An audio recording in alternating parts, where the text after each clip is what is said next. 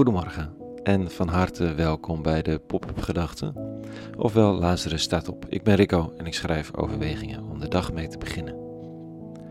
Vandaag met de titel De monnik, de woede en ik. Pop-up Gedachten donderdag 10 juni 2021.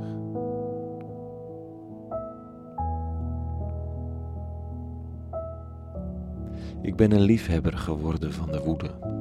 Niet zomaar elke woede, niet de uitingsvormen van de woede meestal, maar die vrij tomeloze bron van energie en van verontwaardiging. Ik hou ervan.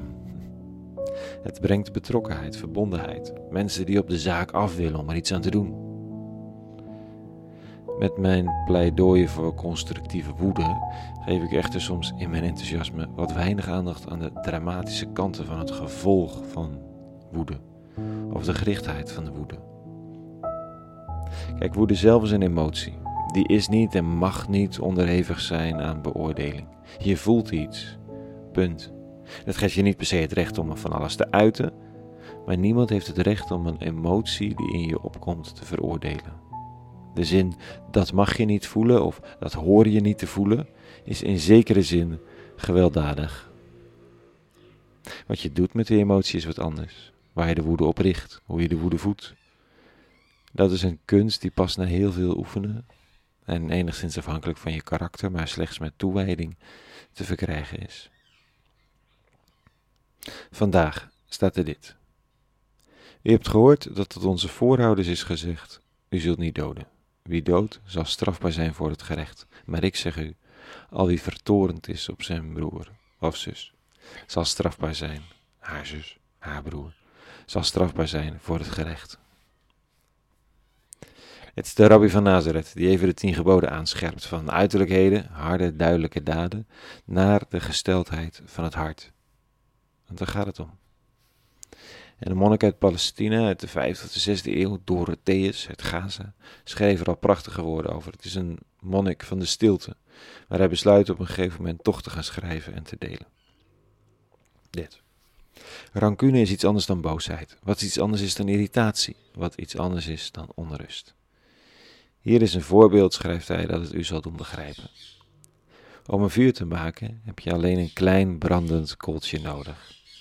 Dit vertegenwoordigt het woord van de broeder die je beledigt. Het is nog maar een klein kooltje, want wat is een simpel woord van je broer of zus? Als je het verdraagt, doof je het kooltje. Als je daarentegen begint te denken, waarom zei hij dat tegen mij? Ik heb hem iets te zeggen. Zoals iemand die een vuur aansteekt, gooi je er twijgjes op en maakt roken. Hetgeen het probleem is.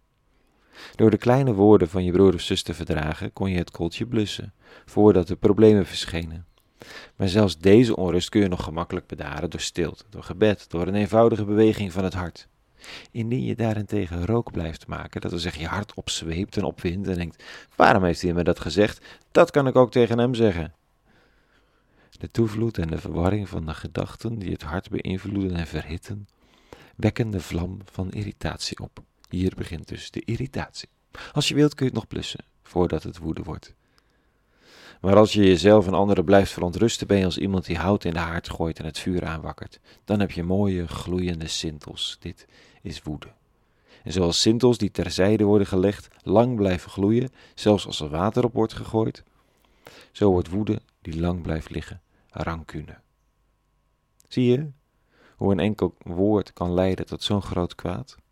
Indien je vanaf het begin af aan geduldig het woord van je broer of zus had verdragen zonder kwaad met kwaad te vergelden, dan zou je al deze kwaden hebben kunnen ontlopen. Dankjewel, broeder Dorotheus. Het is zo simpel, het is dus geen rocket science, maar het moet je soms weer even opnieuw gezegd worden, omdat het om keuzes vraagt. De woede en onrust die je voelt over een verwijt, die is er gewoon. Maar wat je ermee doet, wat je aanwakkert, wat je aanblaast, dat zijn keuzes. Zoals ik ooit leerde dat als je boos bent op een ander, omdat hij of zij dit heeft gedaan of dat heeft gedaan, dan is je woede eigenlijk nog niet gericht genoeg. Laat je woede niet gericht zijn op de ander, maar op hetgene wat er gebeurt. Niet op de ander die je onterecht iets verwijt, maar op onterechte verwijten zelf. Niet op degene die je slaat, maar op het slaan zelf. Dan voorkom je dat je een variant wordt van het kwaad dat je in eerste instantie zo boos maakte. Levenslessen van een monnik uit Gaza in de 6e eeuw en wijsheid over het soms zo onrustige hart. Tot zover vanochtend. Een hele goede donderdag gewenst. Morgen weer een nieuwe pop-up gedachte en voor vandaag vrede gewenst. En alle goeds.